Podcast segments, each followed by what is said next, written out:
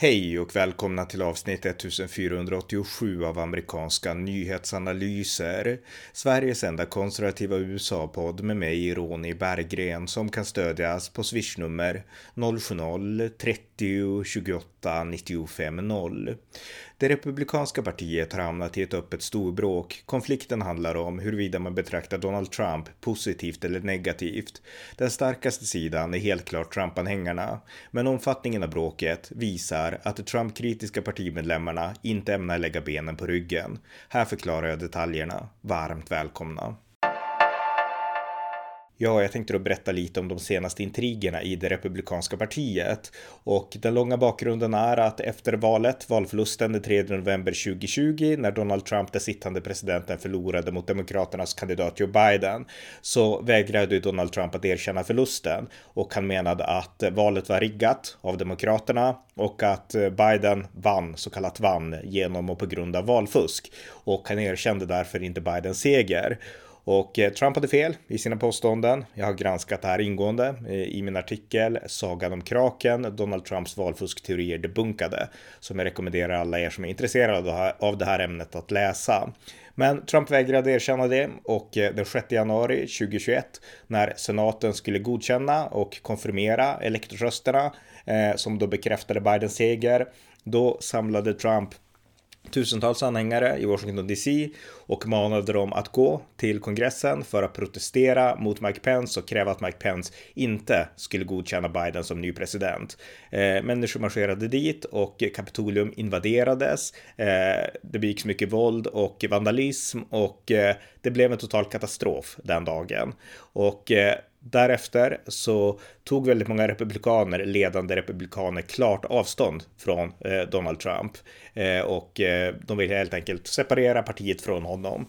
Men Donald Trump visade några månader senare, senare på CPAC 2021 att han fortfarande hade gräsrötternas stöd och då backtrackade väldigt många av de ledande republikanerna och eh, började stödja Trump igen. Men alla gjorde inte det och några har stått principfast fast vid att Trump eh, gjorde fel som höll på att älta om valfusk hela tiden och eh, att Trump var ytterst ansvarig för de här fruktansvärda händelserna den 6 januari 2021. Och några av de republikanerna, eller två i synnerhet, det är kongresskvinnan Liz Cheney och kongressmannen Adam Kinzinger.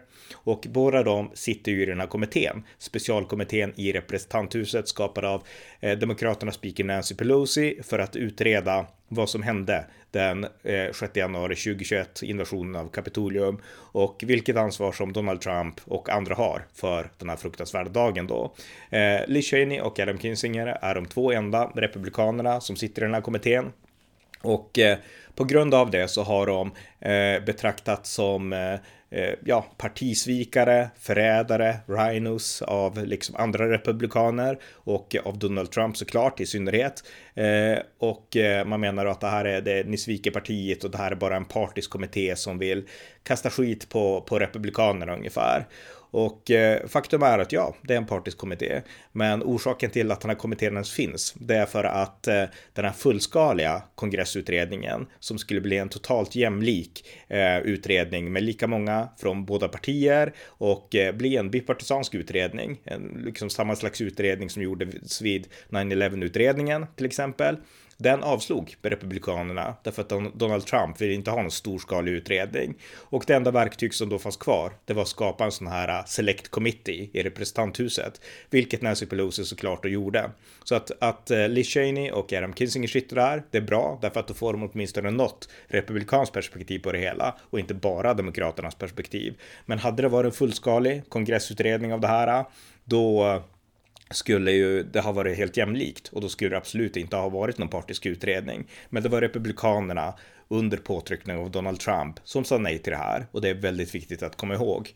Men hur som helst då, det här är den kommitté vi har och Lee Cheney och Adam Kinzinger sitter där och de har därför blivit eh, avfärdade som svikare av stora delar av partiet. Och eh, Liz Cheney, hon har ju tidigare blivit avsatt från olika roller och hon har utmanats nu av en, eh, av en motståndare i primärvalet hemma i, i Wyoming. Och nu senast Eh, i fredags den, eh, den 4 februari. Då röstade RNC, The Republican National Committee, på sin konferens i Utah eh, för att censure, alltså reprimandera Liz Cheney och Adam Kinzinger, straffa dem helt enkelt för att de har Ja, för att de är del, en del av den här kommittén. Och eh, det skrevs en resolution eh, inför det här mötet då i fredags. Och den handlade om att man ville formally censure Liz Cheney and Adam Kinzinger and to no longer support them as members of the Republican Party. Alltså partiet gjorde ett förslag för att eh, man skulle liksom reprimandera de här två och dra undan allt ekonomiskt stöd till dem så att de inte längre skulle vara medlemmar i det republikanska partiet. Alltså det går inte att utesluta dem för de är folkvalda och eh, Republikanerna är i grund och botten en gräsrotsrörelse. Det är liksom inte ett toppstyrt maskineri som partierna i Sverige, utan man brukar hävda att eh, eller man brukar förklara det med att eh, de amerikanska partierna är mer valmaskiner som handlar om att lyfta fram en viss kandidat och den kandidaten har väldigt mycket egen makt så partiet kan inte utesluta att hålla på på det sättet som man kanske kan i Sverige. Så att, men man kan censure och det är det man har gjort nu.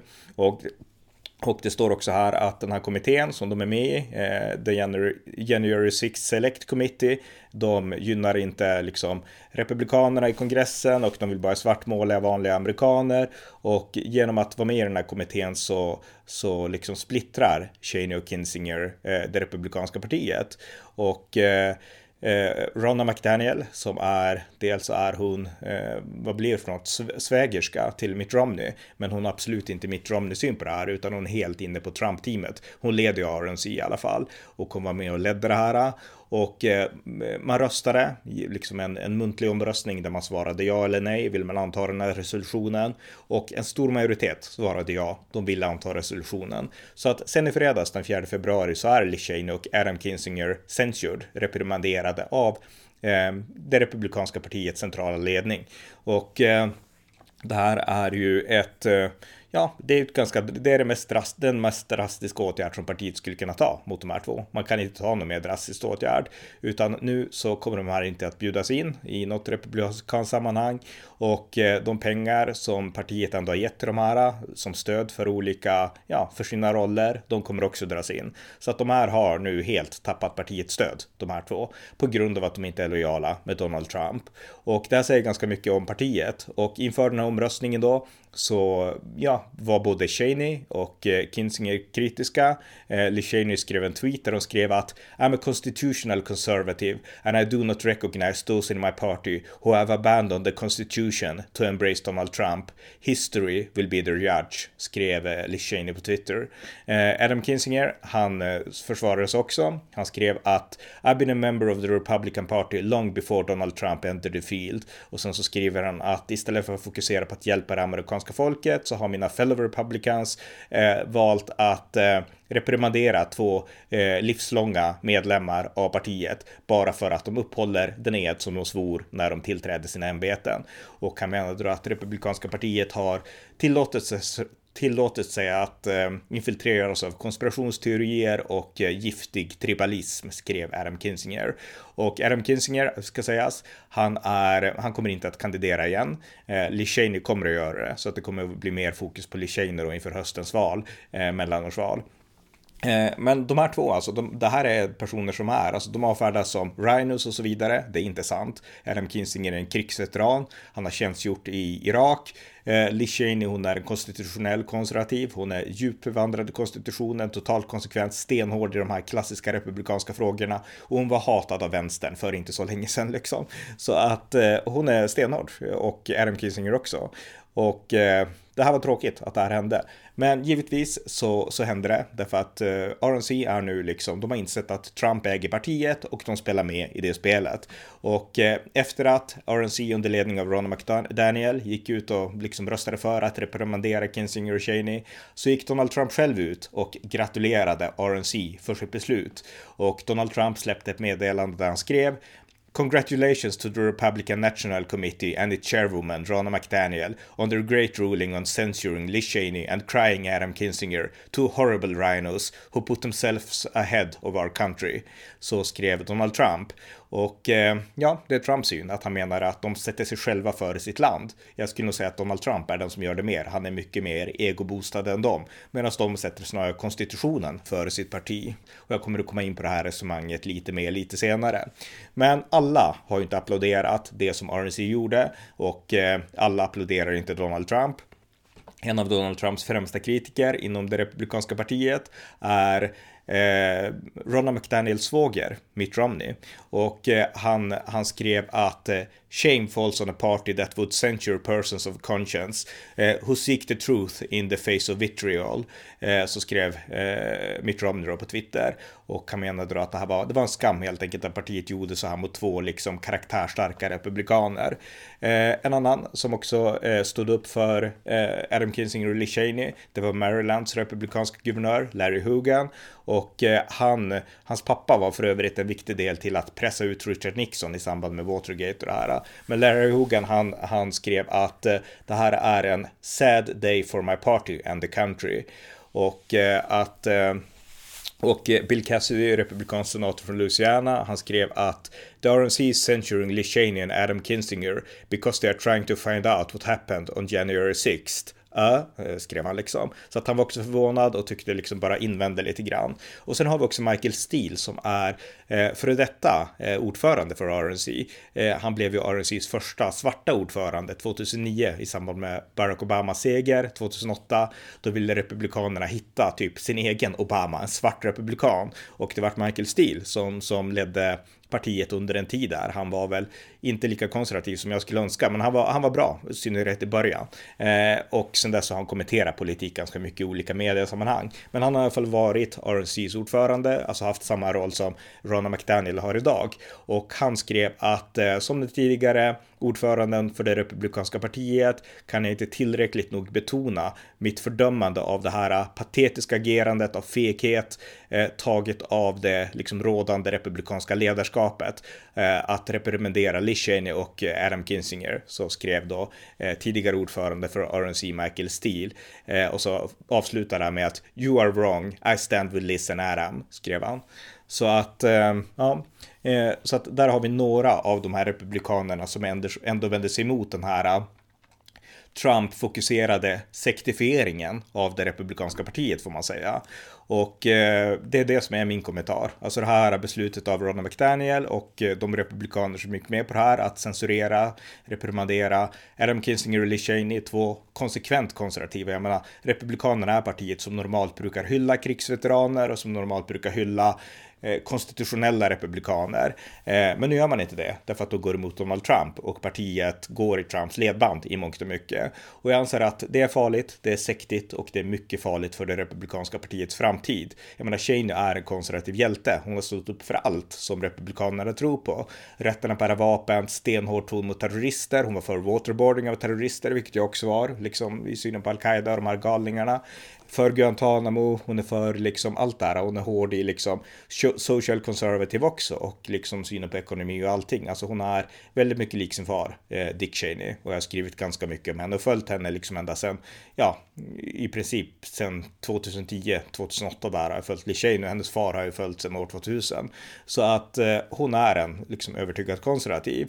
Eh, och Adam Kinzinger är som sagt en krigsveteran, har tjänstgjort i Irak. Så att jag menar, att trycka ut de här två bara för att de inte gillar den före detta presidenten. Det är sektigt och då handlar det att då bygger man liksom inte sitt beteende på principer. En Rhino, det är en sån person som inte tror på konstitutionen och som liksom kalla sig republikan utan att stå upp för de här sakfrågorna och kanske inte har tjänstgjort i krig. Det är en Rhino. Eh, de här två är inte Rhinos, utan eh, det enda de gör det är att de är kritiska till Donald Trump och de anser att han har svag karaktär och att han agerat fel. Eh, men det tycks inte räcka för dagens republikanska parti och det är mycket tragiskt. Nästa grej jag vill prata om, som också har med precis samma tema att göra, det är Mike Pence. Mike Pence var vicepresident under Donald Trump, som stod väldigt nära varann.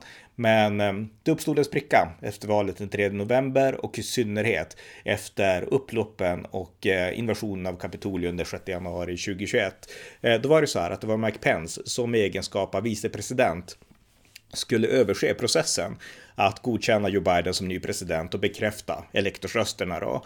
Och eh, det var Mike Pence som Donald Trump ville att den här pöbeln skulle pressa att inte godkänna elektorsrösterna och därmed inte godkänna Joe Biden som ny president. Och utanför Kapitolium så fanns det en stor skara som ropade häng Mike Pence, häng Mike Pence. Alltså de ville hänga Mike Pence för att han ändå hade godkänt Joe Biden som president. Och Mike Pence har alltid varit kritisk mot det Donald Trump gjorde. Men nu häromdagen så var han öppet kritisk mot Donald Trump. Därför att Donald Trump på sitt kampanjmöte i Texas som jag poddade om häromdagen så sa ju Donald Trump att Pence hade, han hade möjlighet att stoppa liksom Bidens seger, men han gjorde det inte. Och nu gick Pence öppet emot det Donald Trump sa. Och Pence talade på en konferens häromdagen och Pence, Pence sa då så här om vad Donald Trump hade sagt. And I heard this week that President Trump said I had the right to overturn the election. President Trump is wrong. I had no right to overturn the election. The presidency belongs to the American people and the American people alone. And frankly, there is no idea more un American than the notion that any one person could choose the American president. Under the Constitution, I had no right to change the outcome of our election. And Kamala Harris will have no right to overturn the election when we beat them in 2024. Så här gick, här gick Mike Pence alltså öppet emot sin tidigare chef Donald Trump och Pence har inte gjort det så här öppet eh, liksom tidigare. Och eh, Pence har helt rätt. Han hade inte rätten att liksom stoppa eh, Joe Biden från att bli president, utan konstitutionen ger inte honom rätten att trigga, liksom leka med elektorsrösterna, utan elektorsrösterna fastställs av delstaterna och Mike Pence uppgift var bara att liksom konfirmera i senaten det som delstaterna hade bestämt. Det är så USA är uppbyggt och eh, det har inte Donald Trump fattat och han godkänner inte det och hans anhängare gör det inte heller, för de förstår inte det här konstitutionella. Eh, men Mike Pence, han var väldigt tydlig att det här, jag gjorde rätt. Och vi ska komma ihåg också en sak som är ironiskt i det här sammanhanget, som nästan ingen av de här Trump-republikanerna tänker på. Det var att när Donald Trump vann valet 2016 så var Joe Biden vicepresident under Barack Obama, som, som då var den sittande presidenten. Och eh, den 6 januari 2017 så var Joe Biden som vicepresident i exakt samma situation som Mike Pence som vicepresident var eh, fyra år senare. Och eh, då höjdes det röster från extremvänstern eh, i USA att eh, Joe Biden godkände inte Donald Trump som president, han är en galning. Eh, och de rösterna fanns och de var inne i kongressbyggnaden, inne i representanthuset under den här konfirmeringsprocessen eh, och eh, i senaten. Och det, vad hette det, det Joe Biden gjorde då, det var, helt, det var helt enkelt att han sa var tysta, gå härifrån, nu ska den här processen fortsätta. Och sen klubbade han igenom tydligt och klart Donald Trump som nästa president. Därför att han följde konstitutionen. Och vi kan spela ett klipp från det också. The state of the vote for President of the United States as delivered to the President of the Senate is as follows. The whole number of electors appointed to vote for President of the United States is 538, of which a majority is 270. Donald Trump of New York has received for President of the United States 304 votes. Hillary Clinton, the state of New York, has received 227 votes. Colin Powell from the Commonwealth of Virginia has received. The state of the vote for Vice President of the United States, as delivered to the President of the Senate, is as follows. The whole number of the electors appointed to vote for Vice President of the United States is 538, of which 270 is a majority. Michael R. Pence of the state of Indiana has received for Vice President of the United States 305 votes. Tim Kaine of Commonwealth of, Tim Kaine of the Commonwealth of Virginia has received 227. There'll be order. President arms removed.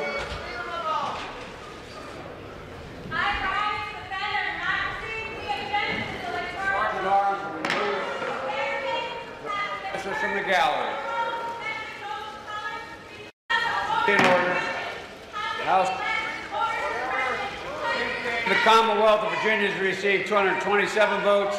Elizabeth Warren of the Commonwealth of Massachusetts received two. Maria Cantwell received one. The sergeant at arms will remove the protesters from the gallery.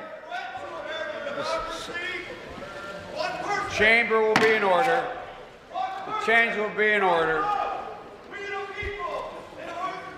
With this announcement of the state of the vote by the President of the Senate shall be deemed sufficient declaration of the persons elected President and Vice President of the United States, each of each for a term beginning on the 20th day of January 2017.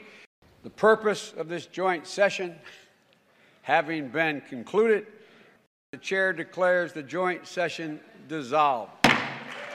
Det var alltså Joe Biden den 6 januari 2017, exakt fyra år eh, på dagen från eh, den 6 januari 2021. Han gjorde alltså samma sak för att godkänna Donald Trump som eh, Mike Pence sen gjorde för att godkänna Joe Biden. Så att båda följde, trots att de var från olika partier, samma konstitution. Medan extremvänstern, de ville inte att det skulle ske och Trump anhängare, hans trumpister, de ville inte heller att det skulle ske. Därför att ingen av de här tror egentligen på konstitutionen. Så att det är rätt intressant, eh, tycker jag. Och eh, efter det här då, efter att Mike Pence gick ut nu häromdagen och kritiserade Donald Trump, då tog eh, Trumps lojalister över igen. Och Steve Bannon, en av Trumps rådgivare, han pratade på sitt eh, War Room, War Room, hans podcast, och där så sa han att Mike Pence var en skam och det Mike Pence hade sagt om Trump, det var en skam. Så här sa eh, Steve Bannon. You're going to carry this thing uh, eventually to your grave, okay? Because it is a mark of shame. And you are a stone cold coward. A stone cold coward. Boris Epstein. We're going to start with numbers and analysis, and then this thing broke this afternoon. My head's blown up. So Boris, you got to help me out here, brother. I can't take. I can't. I can't take Pence. And I can't take Pence got- and, and Mark Short and all these coke guys up there ratting out uh, Trump up on Capitol Hill right now. Och eh, det var såklart inte bara Steve Bannon som var kritisk mot Mike Pence, utan Donald Trump svarade såklart också och eh, Eh, Eh, och eh, han säger helt enkelt att han visst hade rätt, Mike Pence då, att eh, liksom stoppa valresultatet. Och sen så säger Trump då i sitt uttalande att in other words, I was right and everyone knows it. Alltså han menar att han själv, Trump, hade rätt om allt det här och alla andra har fel. Men faktum är att Trump har fel. Det är liksom inte som Trump säger, utan konstitutionen ger inte vicepresidenten rätt att liksom ändra ett valresultat, utan bara bekräfta det som elektorerna utifrån delstaternas omröstningar har valt. Det är så det funkar. Det är så konstitutionen är uppbyggd, den här superstrikta maktdelningen. Så det finns ju ingen enskild person som kan ändra något sånt här. Eh, sen vad som skulle hända om till exempel Mike Pence ändå hade gjort det och fallit för trycket, den frågan är inte helt löst. Men eh, konstitutionen ger inte rätten och det är det som Trump inte förstår. Eh, så att jag tycker att det här är intressant och när man följer den här liksom, diskussionen här i Sverige om det republikanska partiet så går ju media, mainstream media här, väldigt mycket på demokraternas linje. Så fort man sätter på en tv-sändning eller lyssnar på radio eller vad man än gör, då är det hela det här drevet. Och titta vilket fruktansvärt parti republikanerna har blivit. Republikanerna har blivit Trumps parti, de är galningar liksom. Och eh, jag delar kritiken. Jag tycker inte att det är bra att republikanerna helt liksom har nu svalt Trump eh, och allt han säger och bara köpt Trumps linje för att vinna eller liksom vad som nu är deras motiv. Utan man måste agera konsekvent utifrån ideologi och principer. Det gör Lee Cheney, det gör Adam Kinzinger och många andra. Men eh, tyvärr så gör inte partiet det i dess helhet, vilket det här beslutet från RNC visar. Men det som svensk media hela tiden missar, det är att demokraterna är lika dåliga kålsupare. Ett faktum är att det fanns många demokrater som krävde den 6 januari 2017 att Joe Biden inte skulle godkänna Donald Trump som president. De krävde exakt samma sak som nu Trumpisterna har krävt inför liksom eh, Trumps förlust. Eh, och eh, gällande synen på valfusk. Demokrater har drivit på i tid, tid och evighet i olika delstater att när republikanerna vinner så är det egentligen fusk. Det började med Al Gore år 2000 och det har fortsatt sedan dess, fast i mycket mindre skala därför att demokraterna har inte haft en president som har drivit det här. Men på lägre nivå har massa demokrater drivit de här sakerna om valfusk. Hela tiden görs det, det används jämt och det suger syret ur systemet. Tyvärr att de håller på så. Och nu har Donald Trump börjat göra samma sak och använda demokraternas taktik. Och det här är någonting som sällan framkommer kommer i svensk media, utan man menar bara titta vilket hemskt parti Republikanerna är. Eh, och sen så menar man nu också, precis som Demokraterna gör, att det som är så fruktansvärt, det är att Donald Trump tror inte på konstitutionen och hans republikanska anhängare verkar inte heller göra det. Men det man inte förstår här i Sverige är att Demokraterna gör det inte heller. Eh, Joe Biden gör det helt uppenbart, vilket jag tycker är jättebra eh, när det gäller de här liksom kritiska frågorna då. Men i många avseenden, rent ytliga frågor, så tror Demokraterna definitivt inte på konstitutionen konstitutionen. Demokraterna idag är i mångt och mycket socialister. USAs konstitution bygger på idén om individuell frihet, idén på mark om marknadsekonomi och idén om separationen mellan makt och liksom lokal makt och sådana saker.